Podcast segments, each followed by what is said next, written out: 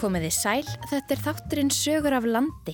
Þar sem við flökkum um landið, ræðum við fólk sem hefur sögur að segja, kynnum okkur áhugaverða staði og skoðum fréttamál líðandi stundar, oft með nýjum augum. Ég heiti Halla Ólafsdóttir og með mér í þættinum í dag er Óðinn Svan Óðinsson, fréttamæður á Norðurlandi. Við ætlum að skoða nokkra hliðar íþróttana með smá útúrdúrum. Nú þegar handbóltinn hefur hrestuð landan í lagðagangi í janúar, ætlum við að hitta Hlinn Jóhansson sem hefur ásand hópu fólks og akureyri lagt mikið á sig til að styðja við íslenska handbóltalandsliðið. Vinur margra í þessum hóp móka okkur í gegnum heiðina og auksnandalsheðina og, og, og keirði með strolluna yfir og við komumst yfir og, og komumst út en þetta var nýju tíma ferðalag. Við hittum Snorra Einarsson skíðagöngukappa og sambiliskonu hans Elinu Mörtu Eiriksdóttur og heyrum af undirbúningi Snorra fyrir vetrarolimpíuleikana. Ég er nú að reyna að æfa eins mikið og ég get og ég er náttúrulega með fjöguböll og eitthvað svona nýtt hús sem við erum að reyna að selja hluta af og lega út og gera upp aðeins inn í millis og já, það er mikið að gera. Og við heyrum af nýju heimilið þeirra í gamla landsbankahúsinu á Ísafjörði. Það verður alltaf á einhvern tímapunkti komið alveg mikið líf í húsið uh -huh. og hvort sem það verður stólið til íbúðarhúsnaði en vonandi bland, svona aðtínu og íbúðar. Yeah. En við byrjum á Akureyri. Ótrúlegast að fólki farið að fylgjast með handbolta, enda ekki skrítið. Kærkominn kvilda á faraldrinum, skamdeginu og janúar veðráttinni. Óðinn, það er þó ekki nýtil komið að maðurinn sem þú hittir fór að fylgjast með handbolta? Nei, mikið rétt. Ég hitti einn alveg forfallin handbolta sjúkling hérna á Akureyri sem hefur eld þetta landslið okkar bara út um allan heim og, og síðustu ár bara fyllt landsliðinu hvar sem það er að keppa. Og lagt ímislegt á sig því þetta er yfirleitt í janúar. Já, það passar. Þessi mót koma alltaf upp í, í fyrstu eða annari viku í janúar þannig að veðrið er nú yfirleitt ekkert sérstatt á þessum tíma og hann kom nú inn á það að í öll skiptin sem hann hefur farið hefur að lendi í vandraði með að komast yfir heiðar. Hann er komin heim, einn forra sem ekki komið með þennan veiru fjanda með sér. Já, veiran verist ekki bara leggjast á handbóltamenn þarna úti því að það hafa barist fréttir af því að margir stuðnismanna Íslands hafi fengið veiruna og það var svo sannlega raunni því að ég heyrði nokkrum sem hafa verið að fara á þessi mót og flestir þar voru í einangrun en, en hlinur hann hefur sloppið.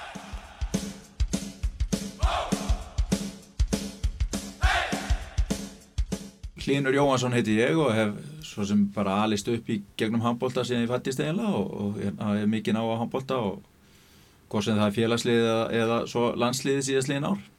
Hefur þetta alltaf verið í þér þessi handbólta áhuga? Varstu sjálfur að spila? Já, ég spilaði nú upp alla yngri flokka og aðeins í mistarflokki en, en valdi svo fótbóltan en endi stutt þar út af meðslum og, og snýri mér þá þjálfun í handbólta og, og síðar stjórnamaður og svo frangvæðstjóri og hérna hef alltaf verið í kringum handbóltan bara frá því mann eftir mér.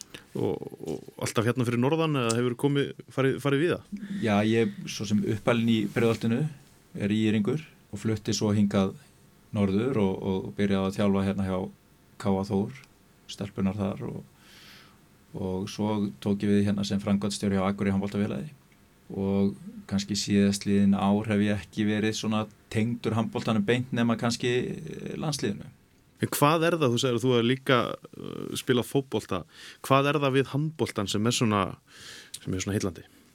Já sko, þetta er nú einu sinni þannig að, að í fótbolta getur við hort á heila leik og það gerist ekkert, bara 0-0. En handbolti býður alltaf upp á eitthvað, það eru alls konar tilþrif og, og leikir náttúrulega mjög spennandi en það er alltaf eitthvað skemmtilt í leikjónum. Þannig að, hann, að þetta er svona íþrótt sem einhvern veginn hendar okkur alveg gríðalega vel Íslendingum bæði að spila og að horfa á. Við, það er svona svolítið fíkn í okkur og, og ég held að handbóltinn hann tengi mjög vel við það. Og það virðast ótrúlega fólk, ef maður getur sagt svo, bara sestur framann handbóltaleik, sérstaklega þegar landsliðar að spila og bara gjör sannlega mist vitið. Já, það er, við tengjum rosalega við landslið okkar og, og janúar er náttúrulega ekki beint skemmtilegast í mánuðurinn í árinu þannig að, að landsliði hefur svolítið haldið skemmturna fyrir okkur í, á þessum tíma og, og það verðast einhvern veginn allir þjappa sér saman í kringu landsliðið og, sem er rosalega gaman og, og undanfarin ár, svona kannski síðastliðin 6-7 ár hefur þetta aukist rosalega fólk sé að elda landslið út á stórmótin og þetta er alltaf að verða fleiri og fleiri sem elda þá. Þú ert einn af þessum sem að leggja mikið á sig til þess að, að sjá landslið og búin að fara nokkuð mót. Já, ég hérna fór á fyrsta mótið 2016 eða maður rétt í Pólandi og hérna hafði aldrei farið á stórmót tráttu að vera búin að vera að vinna öll þessi ári í, í kringum boltan og við slóum til ég og konan og, og fór eitt par með okkur þannig út. Og við síktumst alveg því að þetta er alveg ofbóðslega skemmtilegt og, og það er svona þjættur kjarni sem að er á bakveita landslið sem að hittist alltaf, þetta er svona eins og lítið ættamót. Það þekkjast eiginlega allir og, og, og það er rosalega samhældni og, og svona góður andi alltaf í þessum hóp sem mætir út. Og það er, fólk er þetta er svona 80% sama fólkið sem er alltaf að fara og svo bætast einhverju við og einhverju dett út og svo koma þeir inn aftur og þetta er, þetta er eiginlega ólýsanlegt fyrir að fólk dettur inn í svona og sér bara hvernig þetta er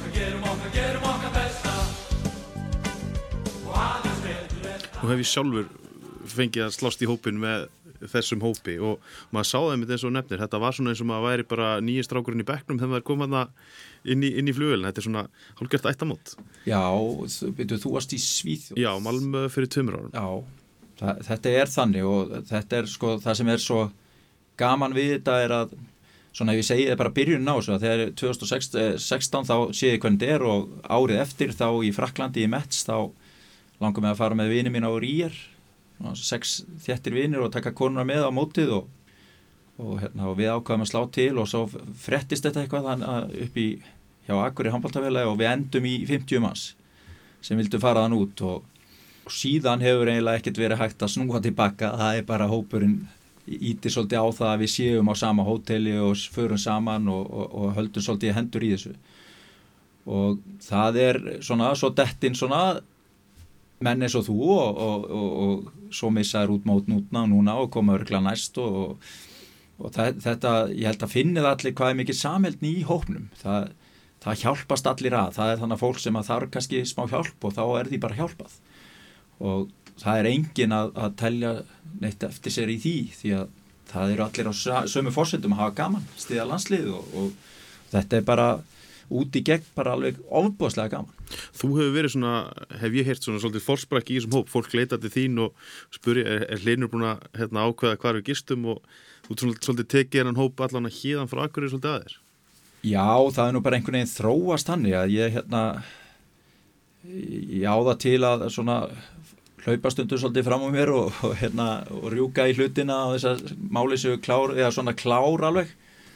Og svo hefur þetta bara orðið þannig að, að einhvern veginn halda menna ég sem einhverja ferðarskistuði hefði með á mér og, og hérna ringi alltaf í mig en ég er bara gaman að þessu því að það er svo gaman að hitta þetta fólk og það er gaman að ferðast með því og bara vera með því. Það eru allir í góðu skapi úrslitin hafa ekkit loka niður stöðu hvort að sé gaman sko því að þegar leikurinn er búin þá eru bara allir konir saman að spjalla og við erum náttúrulega með þarna fleiri hundru þjálfara saman að yfirleitt upp í stúku þannig að það var allir svona sína skoðanir á og bara gaman að diskutera við þetta fólk og, og þetta er bara, eins og ég segi, þetta er einn stór ánægja að fara með þetta fólk út. Þú byrjar, eins og þú segir, í Pólandi, svo er það Frakland, hvað, hvaða fleiri staði hefur farið á? Svo eh, minnum við að við höfum farið til Kroatíu þar á eftir og, og svo var það Þískaland og svo Svíþjóð og svo núna Ungverðarland.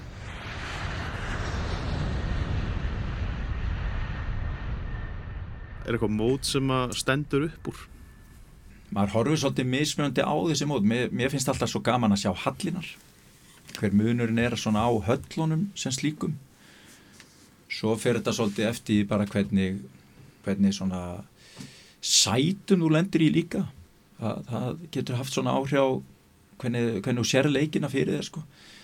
Og, og svo náttúrulega hefur gengið svona ímislegt um þetta að segja líka. Ég menna það er rosalega gaman að hafa upplifað það að fara á riðilin eins og núna og vinna alla líkina við tala ekki um ungverja þar sem að við erum alla á mót okkur í höllinni sko. Tróðfull höll og staðsta höll í Evrópu. Auðvitað kom alltaf svona móment í öllum mótum sem eru skemmtilega einhverju leiti og, og kemur alltaf leikur þó okkur hafi ekki gengið vel undanferðin ár þá hefum við svona ofta tíðu náð einum leik og svo er einhvern veginn flottið undan þessu. En þetta var sérstaklega gaman upp á áranguri núna og, og, og þá þurfti COVID að, að smell okkur. Þannig að það voru ekki beint anstæðinganir sem að kannski klára okkur núna heldur, heldur þetta COVID-19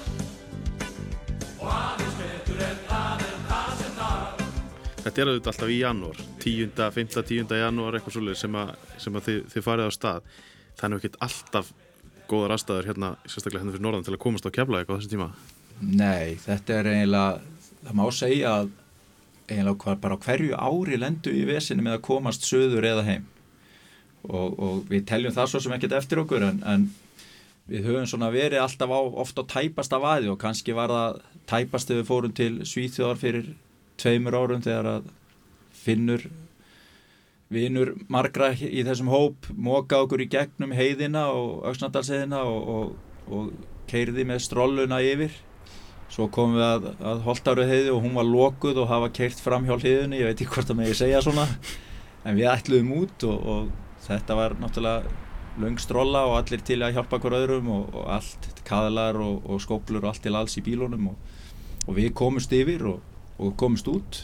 En þetta var nýju tíma ferðalag. Að komast söður og þetta virðist svona vera mjög algjent á þessum tíma að, að einhvern veginn dettur akkurat á ferðatægin okkar þá einhvern veginn kemur einhver læðin hérna yfir og, og, og svona leikur okkur svolítið grátt. Nú var ég eins og hefur komin á með þessari ferði til Malmö. Mér fannst eins og að væri svona það var aldrei spurning um að við værim að fara út. Það var bara spurning hvernig það er þið gert sem að náttúrulega sást best í því að við eldum einhverja hérna, gröfu þarna marga klukkt í miður þetta var aldrei spurning um að fara? Nei, það er aldrei spurning og, og maður svona læriði það kannski í það skiptið að, að nú fer maður að huga aðeins fyrra því að komast söður sko. Því að það hefur, ég þurft að sleppa móti til dæmi sjálfur 2000 og ég held að verið 13 þá ætlaði ég út en komst ekki því að hafa bæði ófært landlegin og, og fluglegina og svona lærdómurinn af þessu í fyrir tveimur án síðan er þessi að maður þarf bara að huga þessu aðeins fyrir að komast öður því að maður sleppir ekki móti. Þú ert búin að fara á nokkuð og serðu fyrir þér að gera þetta bara áfram, þú ert ekki tættur Nei, ég held að ég haldi þessu áfram svo lengi sem að fólk hafi áhuga að fara þann út og, og, og ég held að sko, þessi hópur sem er að fara að hann fer allur aftur þetta er bara spurningum svona draumurinn kannski í þessu er að fylla 180 sæta vel frá Akureyri að komast tanni á mót. Það er svona draumurinn að, að massi verið orðin það stóra við náum að gera það svo leiðis og ég held að kannski er framtíðin svo að við fáum hérna flugvel sem er að fara að fljúa beint frá Akureyri á Köpen og London og eitthvað meira að, að það opni dyrnar fyrir svo leiðis dæmi Þannig að þið fagnir því að það er að stakka hérna, flugstöðun og fluglaðið og... Já, og fá nýja, fá vél sem að flýgur hérðan. En er ekki ákveðin stemming bara að þú ert búin að gera þetta öll þessi ára, að þetta sé svona smá óvisa og e, einhverju þurfa að keira hérna suðu fyrir og, og svona, er, er það ekki hluti af þessu bara?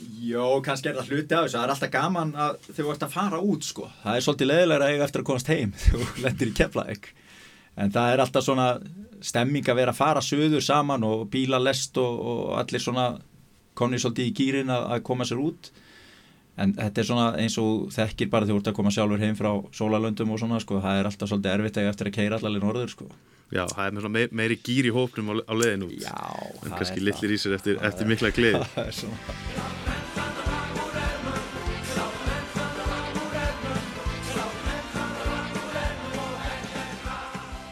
En nú er þetta yfirleitt þannig að, að það er leikið þrjá fjóra leiki í riðli sem að svona hópferðir fara á.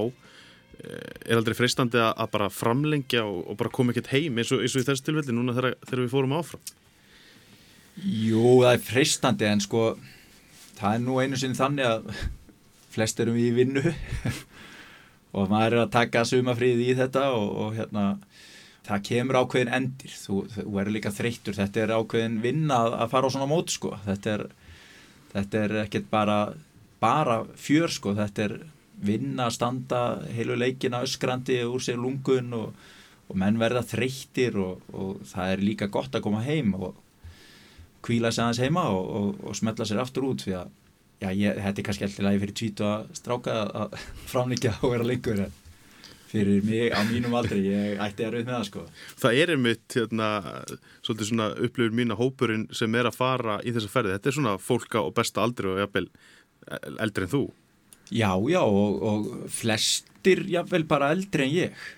Og, og fólk alveg sem er fóð með á nýraðisaldur en það gefur ekkert eftir og er jafnvel sprækar en maður sjálfur í þessum ferðum sko.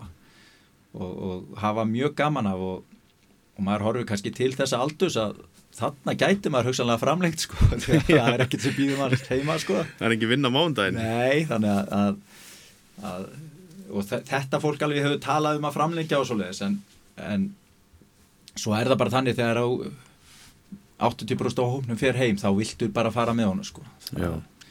þessi hópur fylgis mjög svona vel að og, og hjálpa stað eins og ég tala um bæði ferðalögunum og á leikina og, og þannig að, að þetta helst allt í hendur bara.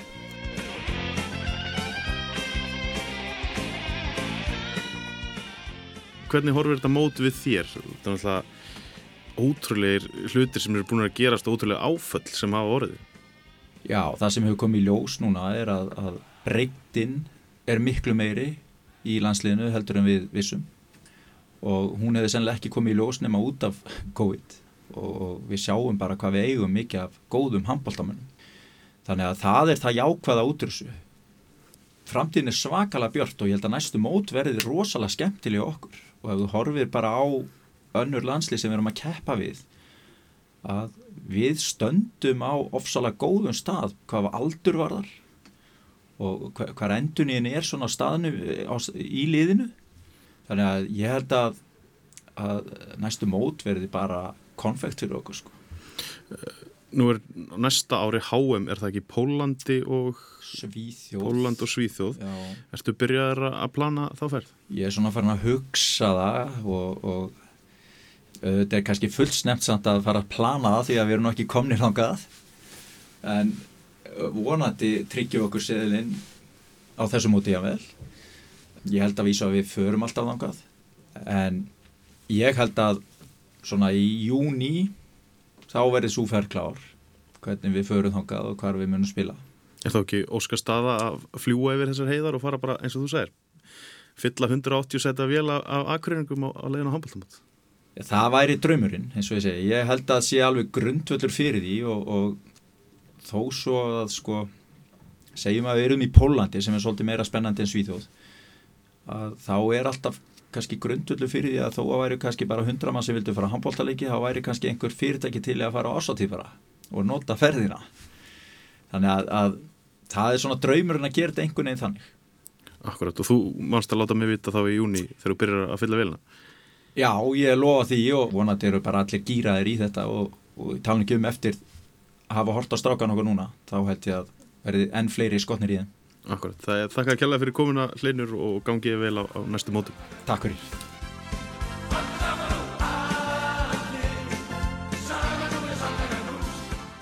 Þannig að heyrðum við af dyggum stuðningsmönnum íslenska handbóltalandsliðsins á Akureyri. Óðinn Svan Óðinsson rætti við Linn Jóhansson.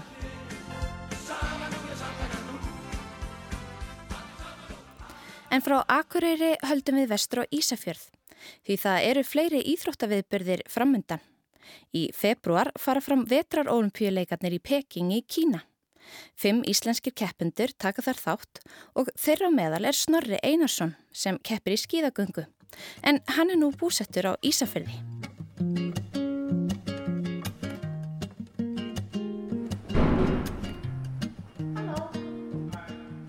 Við Hafnarstræti á Ísafyrði blasir við virðulegt steinhús þegar fólk keirir inn í bæin. Það er ekki langt síðan merki landsbankans voru fjallægð af þessu reysulega húsi. Ég geng inn á hlið húsins og finn Snorra Einarsson á æfingahjóli og annari hæð húsins. Já, ég er bara. Ná, ég er bara að skrifa. Eða var ég eitthvað seitt? Þú varst að klára æfingu þegar ég kom. Hva, hvaða æfingu tókst í dag?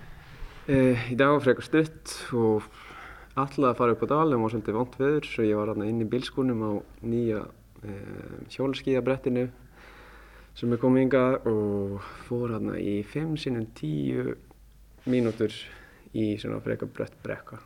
Þú ætlaði að fara upp á dal. Er þetta svona neyðarúrraði að æfa í bílskotnum?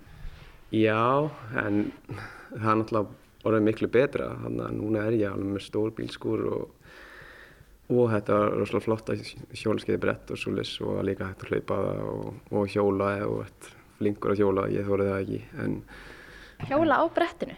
Já, það er alveg hægt, en þetta er svona alveg, þetta er alveg dýr græja og, og svoleiðis, en að því að það er náttúrulega bara, við vorum bara að skoða aðna hvernig fókbólstinn er búin svo góður hérna á Íslandi og svoleiðis, en það er alveg að því að það er alltaf hægt að fara inn og við vorum alltaf að spá bara svona, já, hvernig getum við svona bara vera alveg vissum við getum eftir vel alla daga og þá vorum við að, já, að spá í svona hluti og það endaði upp með að kaupa eitt svona flott hlaupabrett.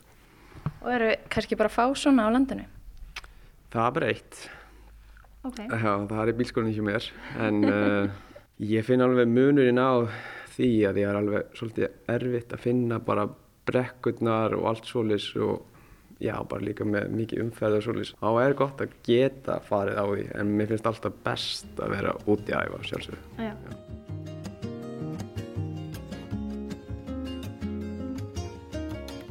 Hvernig er að vera skíðagöngu maður á Ísafjörði? Það er mjög fínt. Um, bara þegar er fínt svo er svo rosalega flott. En svo er stundum bara ekki hægt að fara út. Ég er ekki alveg upp í svona, góða veðri en eitt þannig að Norður Noregi. En það var nú oftast að vera hægt að fara út, að það var ekkert svona vindur eins og getur verið hérna, bara stafirni fljúa út um allt og bara færi út. Já. Eða bara hláka eins og er núna. Bara rigning og rók. Já, og, og þarna bara snjóring getur bara farið á svona einn og halvun dag. Þú ólst upp í Noregi, þú átti íslenska pappa, eða ekki? Já, ég á íslenska pappa og norsku mömmu. Pappi fór í háskóla í Tromsø og hitti mömmu og svo eh, álst ég upp þarna í Alta sem er næsti lengst norður, norður í Norgi en það er nú svona á kannski, já hvað er það, 69 gráður held ég. Já. Og átti heima þar þangað til ég var svona átján og svo flutti ég aðeins söður og var þar í nokkur ár. Búinn að vera aðeins í bandaríkinum líka, já svona skíða scholarship þar og svo er ég eiginlega bara allan tíma búinn að vera aðeins að í námi meðan ég er að prófa þarna að gera eins vel og ég get að skíði og svo smá svona bara atvinnu annað núna síðustu kannski, já, sex eða sjö árin. Byrjaður að æfa skíðagöngu bara sem krakki eða hvað? Já, ég var náttúrulega bara svolítið þannig að byrja bara með svona að mann er að leika sér svona bara út í garðu og hoppa allan tíman og svo byrjaður svona, svona smá keppni bara einu sinni viku.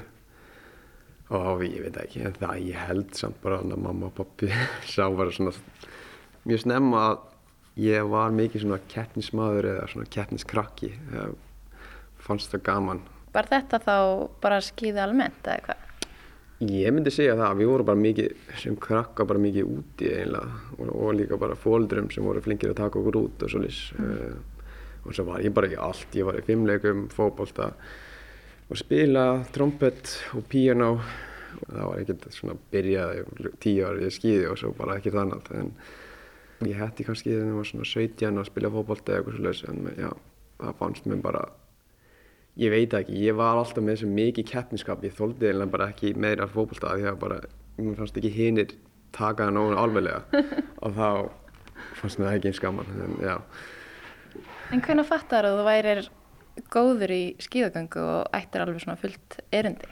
Það tók alveg svolítið tíma eða svona, bara eins og juniori í Norri svo var ég alltaf svona 5, 6, 7, 4 stundum en aldrei neitt svona medalju eitthvað svolítið þannig í stærsta móti sem er hérna landsmótið og svolítið en mjög nálagt nokkur sinnum, ég minnst eitthvað til tviðsvar að vera nummið þjú en það var aldrei neitt svona landslið akkurat svona á mörkunum. Ég ákvæmlega samt að halda aðeins áfram og eins og var ég senior og þá, eða svona fullónins þarfti að keppi fullóninsflokki en þá fór ég til Bandarík í ringiðanum í tvö ára því að ég fattaði bara svona ég er ekki með neitt svona erindi hérna í með þessi fullóni kalla þannig að ég er að verða alveg rústaður. Menn langar samt að skýða hans meira. Sem ég fóð þangað tvö ár og gerði vel og vann hérna svona það heitir svona national title þar einu, einu sinni. En svo langaði mér að byrja hérna í sjúkraþjálfum í Tromsø. Svo þá fór ég heim aftur og kom inn. En þá var ég eiginlega í námi 100% en langaði að prófa að keppa í landsmáti þá gekk það svo vel bara. Þá var ég alveg top 20 fyrsta skipti. Og þá var einhverju þjálfara sem var bara neða, þú veist að þetta getur orðið eitthvað. Þá var ég, já ok, kannski getur orðið eitthvað. Svo þá tók ég aðeins meira frí frá náminu og reyndi svona allt sem ég gati í halvt ári þá var allt í einu ennþá betra. Og þá var ég bara á pallin næstu öll keppni svona í Nóri og líka bara í Skandinavi og svolítið þá skildi ég alveg, ok, þetta er nú alveg. En það var þetta svona síðasta skrefinu þarna bara að komast alveg upp í svona topp í heiminum. Það hefur ekki gengið hinga til en þá en þarna Það hefur nú verið nálætti þér hefur gengið vel, hvað, hvað er svona besta árangur sem þú hefur nátt? Ég er með átjöndarsæti svona nokkur sinnum og akkurat átjöndarsæti þrísvar held ég. Já. en já, það er alveg gaman að vera top 20 í heiminum þarna, í heimsbygga. En það gerist ekki alltaf þarna, en um, það er skemmtilegt að það er búin að gerast. Og alveg, ég er búin að vera að taka heimsbyggar stig þarna í fimm ári held ég alveg fyrir aðrangur þannig að þá ertu alveg búin að vera top 30 svona stöðugt yfir nokkur ár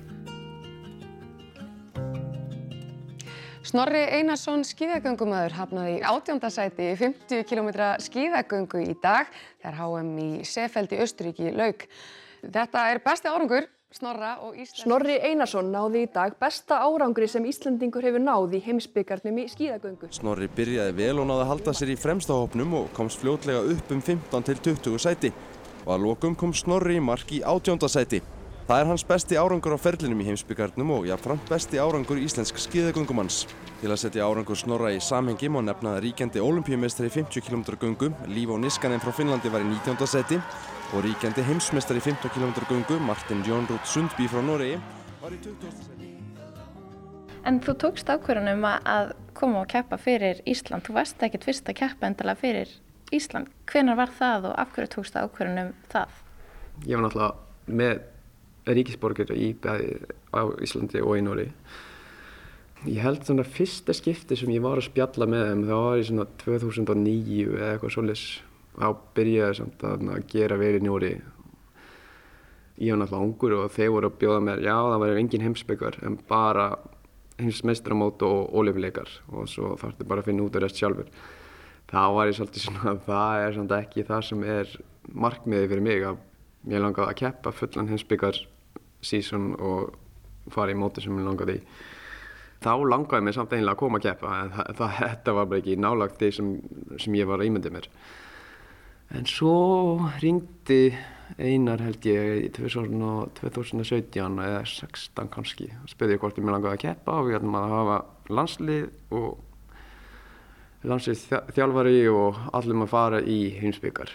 Allt í einu svo var þetta reikið öðruvísi og það var alveg sjans að fara að keppa eins og við erum að gera núna. Já, en svo verðast líka bara landsmenn vita hvað skíðaganga er í dag. Já, það er svolítið orðin svolítið breyting og ég veit ekki hvort ég hef partur í því eða ekki en það er svona erfitt að vita um einhverju íþrótt sem þjóðun er ekki að gera vel í þá, en svo kannski smá mm -hmm. en uh, það er náttúrulega skemmtilegt að skýða á Íslandi svona, þegar þarna færið er gott og svona í skílavari það verður, það verður vinsalt og þessu góða dagarnir eru þessu góðir þessu vondadagarnir eru vondir. En ég held ég fæ nú örgulega mikið svona gleiði og, og get skemmt að maður vel hann á skíði þegar ég þarf ekki alltaf að fara að skíði hérna á Íslandi. Svo það er náttúrulega skemmtilegt það er alveg svo vinsalt að skíða. Já.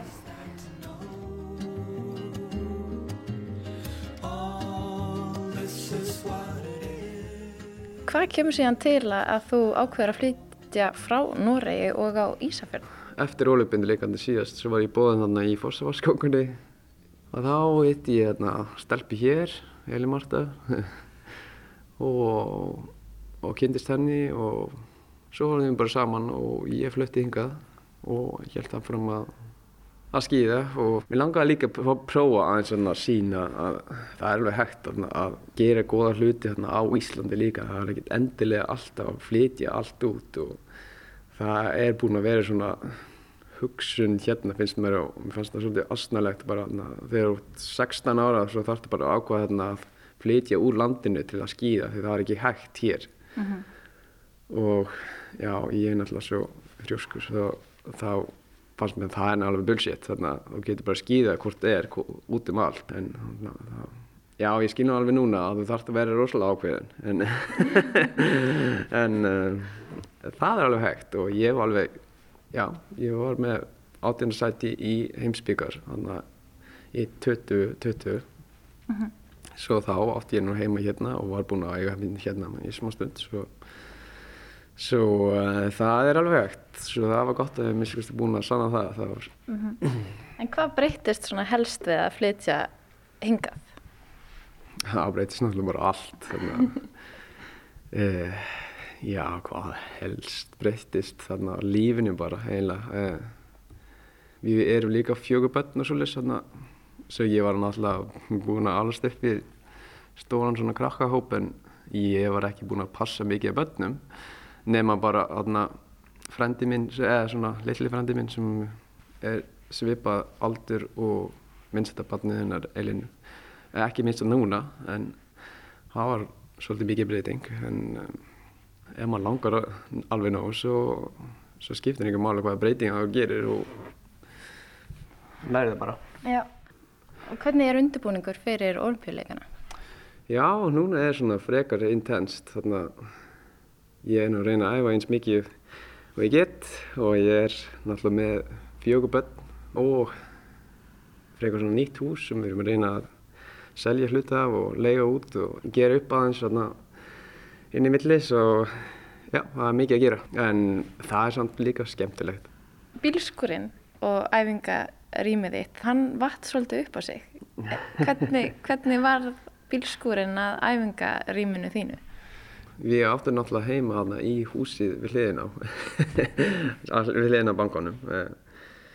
Um, já, ég, það var ekkert rosa mikið plass fyrir skíðin allt dóti mitt eiginlega. Þess að ég þurfti að já, þau voru bara rosa mikið fyrir sig eiginlega og ég var eiginlega ekki minnum staður að bera á skinn heldur sem mér langaði rosalega mikið í bílskur en ég var ekki vissum hvað það kostiði rosa mikið að kaupa eitthvað líka menn já og mikið tími þarna ef ég ætla bara að bera undir skíði að keira upp á dalagjara tími sem ég var ekki með. Já, svo ég fór yfir í bankanum og spurði bankastjóran hvort það var til ég að lána mér bílskunum í mótið að myndi þannig að taka þeim á eitthvað svona aðeins námskeið og kannski berjandi skeið þeirra. Og hann var alveg til í það og ég fikk lána svona hluti af bílskonum fyrst og rosa glaði fyrir það og þá var ég með staður að setja dótið mitt og berja undir og var alveg að berja undir á fullu fyrir fossavatn og fyrir fólk sem vann í bankkonum líka og Svo það var alveg svona win-win, fannst það skemmtilegt líka bara og rosa fínt að hafa svona þetta rými. Svo var það svolítið meira eftir það þegar þetta kom að sölu og kom að sölu setna. Það var, var svolítið meira en bilskur. Já, og það er svona hlut af sögunu sem við verðum meira að fá Elinu með í að segja. Já. Elin Marta er einmitt rétt komin inn úr dýrónum. Elín starfa sem sjúkraþjálfari og hafði farið á samt vilju, dóttir þeirra Snorra, í mömmuþjálfun sem hún hefur séðum í líkamsræktarstöðinni á Ísafjörði. Já, ég er svolítið Elín Marta, Eiríksdóttir. Þú ert frá Ísafjörði? Já, fættu uppalinn hérna, fór bæði leikskóla og myndaskóla, ég kláraði þetta fyrir Norðan og háskólan fyrir sunnan og flutti svo aftur 2012 í næsta hús, sem er hérna gamla apotekið. Einmitt. Og svo þegar þú flyttur vestur, þá flyttur í gamla apotekið? Já, við vorum aðna þar og gerðum það alveg upp svona eina eftir hefðin og vorum búinir og alveg tilbúinir að njóta það í mörg ár framöndan En svo kom hann hús við hliðina á út og sölu og þá vorum við að leika okkur með að skoða og skoða tekningarnir og svolítið en það var svona meira bara svona á svona drauma stage myndi ég segja en ekki neitt svona raunheft en kannski aðalatrið kannski að kom náttúrulega eitt bann í viðbót í mildtíðinni Já, og þú ætti þrjá stelpur fyrir. Já, þannig að þá voru við orðin sex í fyrirskildu með kött ætlaði nú alltaf að búa í þessu húsi bara til æfi loka var mér svona að hugsa út hvernig ég myndi setja liftu þannig aftan til. Að þá voru við eiginlega bara búin að sprengja auðvitað okkur því miður. Eða svona nokkur neginn þannig að við fórum allavega á endanum úr 100 fermetrum rúmum yfir í 900 eins og er. En þetta er landsbankahúsið á Ísafjörði, þetta blasir við þegar fólk keirir inn í bæin en það var búið að vera til sölu í eitthvað tíma eða hvað? Já, það var búið til sölu og, og ég var búin að senda bara svona í djóki á bróðið minn sem er byngatæknfræðingur og er að reyka verktakafyrirtæki með pappa mínum fyrir sunnan. Já, bara í djóki og hann tók ekkert undir þetta fyrst og svo líði ykkur um ánir og ekkert gerist og húsið er ennþá selt og þá allt í hennu fær hann eitthvað, eitthvað hugmynd. Þannig að þá voru við samt bara einhvern veginn svo sátt hinn um henn og ég hefði engan áhuga því. En hann baði okkur vinsanlega stundin páskan að kíkja yfir samt og skoða, gefa það eitt sjans. Og bara því hann búin að leggja svo miklu að vinna í gamla húsið að þá er ekkert svona, ekki fyrsti kostur að fara að flytja eitthvað sem þú þarfst að gera mikið. Sérstaklega með kannski fjögur ungbönn og, og snorri að reyna að undirbúa sig, sinna sinni vinnu og fylli. En svo sáum við alveg að önnur hæðinsast hérna í þessu húsi að hún hafi verið innréttuð sem bara fullbúin íbúð fyrir einhverjum árum. Þannig að það var ekki mikið sem við þurfum að gera til að flytja inn, þannig að þetta var alveg svona gerlegt. Mm -hmm. Og bara svo hæð er í rauninni stækkun frá íbúðinu sem þið byggðu í? Já, hún er semst 200 fermetrar, mm -hmm. þannig að það er alveg 200 og, og svo fylgdi með þessi frábæri bílskur sem var náttúrulega aðalatriðið. Þannig að þú þurftir ekkert að flytja út og inn í bílskurinn með æfingadóti? Nei, þetta er bara að taka alveg hellinga meira dót í. hann er stjórn fullur núna, en það byrjaði svolítið með hann og þá og það er náttúrulega bara rosalega oft inni það, sérstaklega fyrir fossavatn og svolítið þannig að það var smyrjað mikið skíð þarna og svo bara, það er alveg frábærst að vera þarna inni, svo heitt og gott og eina sem var einlega notaður til var einlega bara geima drasl. Það er svolítið svona núna líka en, en nei, nei, það er náttúrulega núna er ég með hann hjólarskíðabrettið og allt, allt mögulega það var, hann var frestandi og svo vorum við að skoða hann að efri hæðin og hún var nú alveg rosalega flott líka alveg fyrsta sem hann kemur inn og sér þetta er flotta golfið og allt svolítið þá var þetta, já, ok. Mm -hmm. svo það var alveg þá var þetta meira svona meira, meira spennandi. Já. Þetta eru fjórar hæðir. Við erum stött á aðalhæðinni sem er gamla bankað útibúið. Já. Hvernig er þetta hús? Það er náttúrulega bara alveg magnað og sérstaklega kannski þessi fyrsta hæð sem maður kannski átt að sig alveg á þegar maður mætir í bankan og er bara eitthvað, þú veist maður komið inn sem krakki náttúrulega í, hvað ætla að vera í grunnskóla, skrifa út inn og taka út 150 krónur fyrir mm -hmm. snúðu kókmál. Þannig að maður hefur komið oft inn inn en einhvern veginn aldrei átt að sé á bara hvað fyrst að henni falleg. Þetta opna stóra rými og, og já, flottur arkitektur á bakvið og, þetta er alveg magna hús. Já, þetta er ykkur að skissur eða hvað frá Guðjóni Samúlsinni sem voru síðan teknar áfram eða hvað? Þetta er náttúrulega titlað á Guðjón Samúls en það er satt Bárður Ísleifsson sem er skráður arkitekt. Mm -hmm.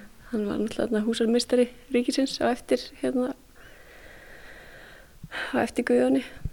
Þetta er svona hús með sögu og það var líka svolítið fyndið að það hafa náttúrulega allir skoðanir á því hvað, hvað á að vera einna og hvað mun vera einna og, og við náttúrulega bara hoppum út í þetta eitthvað svona út í bláinn. Þetta var hægt og húsið er það stórt að það býður upp á það marga möguleika að það eftir nú alltaf verið að finna út nýtingu á því öllu í rauninni. En hvað sjáðu fyrir ykkur með eins og þessa hæð?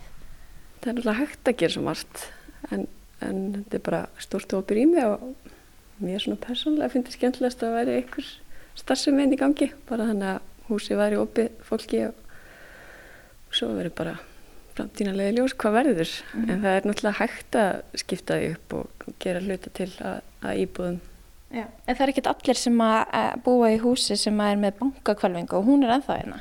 Já, hún er í kjallarinn. Verðum við ekki að skoða hana? Jú. og hún hefur náttúrulega ótrúlegt aðdrafl þannig að það er alveg magna með alla sem hafa komið inn. Inn alla hérna, einamenn og alla það fyrir allir aðeins að fá að kíkja í kjallarann. Þetta er svona, þetta eru svona forbúðnar slóðir, þetta eru, þetta er staður sem að fólk er ekki að jafnaði velkomið á. Nei, ykkur hafa komið hérna. Ég hafi nú komið hérna ekkert hérna áður. Ég var að vinna lífið svonum hérna alltaf gamla daga sem sumar álýsingastarsmaður en við vorum semst að spá í því að þeir voru að hýfa hérna út eitthvað bankahólf í flytningunum, landsbankin, þeir voru að flytja út í sumar að fá öll að taka hérna þessa massífu þungu hurð sem að það er svo misjafn- misjafnt hvað sögurnar segja, hvort hún sé þrjú tonn eða, eða yfir eða undir Já. Að hún er örgulega næstu í meter á þygt.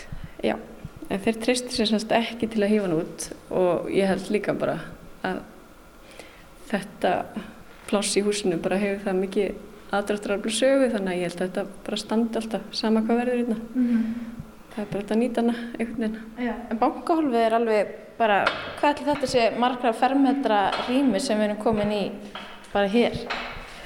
Það eru 45 metrar, Ok. bara hirslan. þannig að, Þetta er bara helmingurinn af íbúðinu sem við byggum í. já, eiginlega. Já.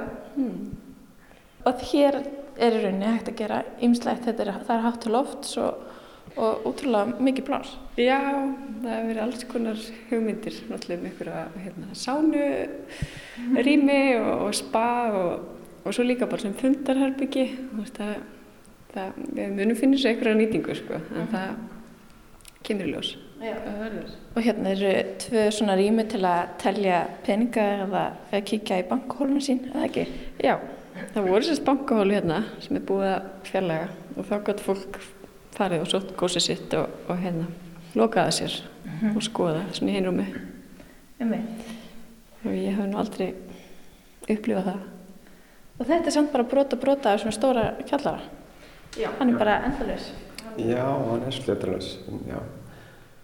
En er ekki bara frekar mikil stemning fyrir geimslum? Jú, það var næstu fyndið að hérna, við auglisti nú bara, hérna, við vorum lítið auglist til leigu.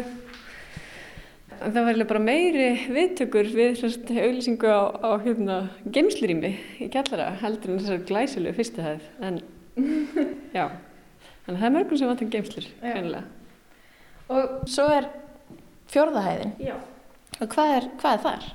Þar var semst bara kaffistofa fyrir starfsfólkið í landsbankanum um, og hvort það var bara leikt út stundum undir fermingaveislur og eitt ján var þetta oddfélagsalur þannig að þar eru hérna, salerni og, og eldursasta uh, þar vorum við búin að tekna íbúð og erum búin að selja en þar á eftir að, að hérna, semst, gera upp íbúð.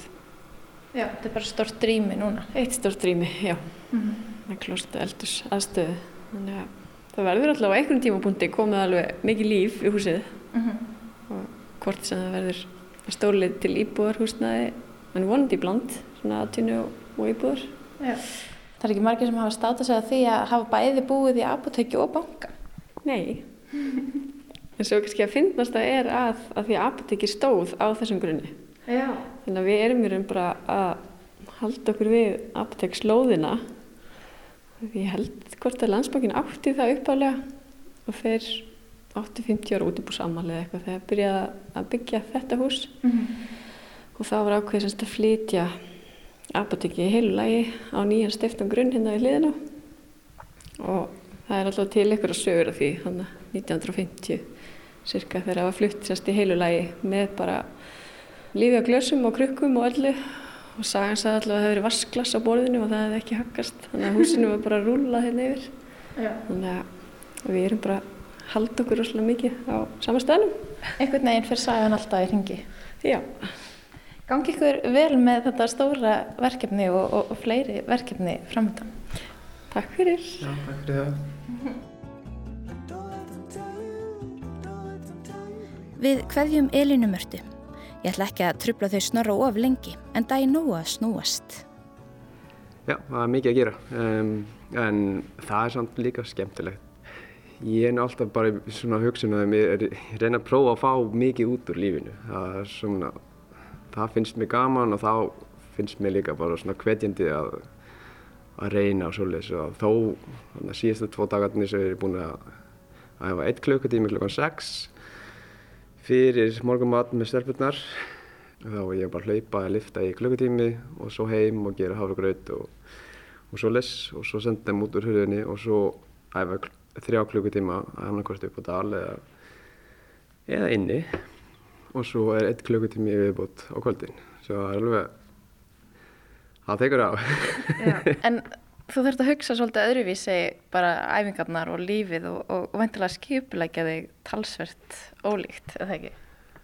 Já, þú þarf að hugsa daginn og getur ekki eitt mikið tími í alls konar bullshiti þannig að ég var náttúrulega vanið með að hafa all daginn og ef ég klukka, ekki klukka nýju svo ég bara klukka tíu það er ekki svolítið, það er ekki svona lengur eh, og sérstaklega ekki núna sem við erum með svolítið mikið í gangi og og oft bara seint að pussa upp í kjallarunum klukkan til klukkan 12 og svo er aftur upp snemma að æfa en eins og lengi hóna veðrið og svolítið er fínt og svona, svo finnst mér það bara allt í læga því að þá þarftu bara að vera skipilagur og svo ertu bara með x tíma og þarfst bara að nýta hennum rosa vel mm. eða þú ert með of mikið tími svona, svo er einfalt að vera svolítið svona meira fljótandi og missa sér í að hugsa eitthvað annað þá verður þú bara að nýta tíminn og þá er það búið og svo verður þú að fara heim ja. þegar einhver að býða eftir þér En hvað vonu bindur við þessa olimpíuleika?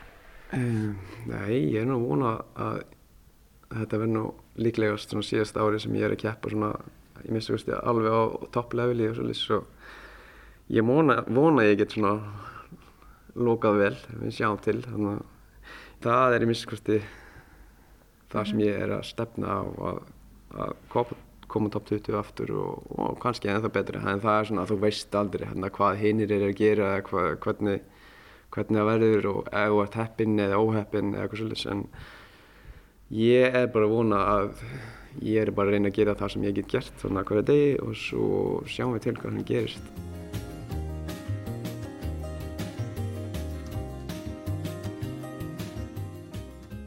Þannig heyrðum við í Snorra Einarsinni, ólimpíu fara í skíðagöngu og Elinu Mörtu Eiríksdóttur. En þau vinna nú að því að finna gamla landsbankahúsin á Ísafyrði nýtt hlutverk. Svona á millið þess sem Snorri undirbýr keppnisferðir, eins og ólimpíuleikana í Peking sem er á næsta leiti. En þá komum við að lokum hjá okkur í sögum af landi í dag. Viðmælendur í þættinum voru Aug Snorra og Elina Mörtu, Linur Jóhansson, diggur stuðningsmaður íslenska handbóltalandsliðsins sem leggur ímislegt á sig til að styðja liðið hvar sem er í heiminum. Tæknimaður þáttarins var Lítiða Gretastóttir og þennan þátt og eldri þætti af sögum af landi má finna í spilara rúf og í öllum helstu hlaðvarp sveitum. Við þökkum þeim sem hlýtu, lifið heil.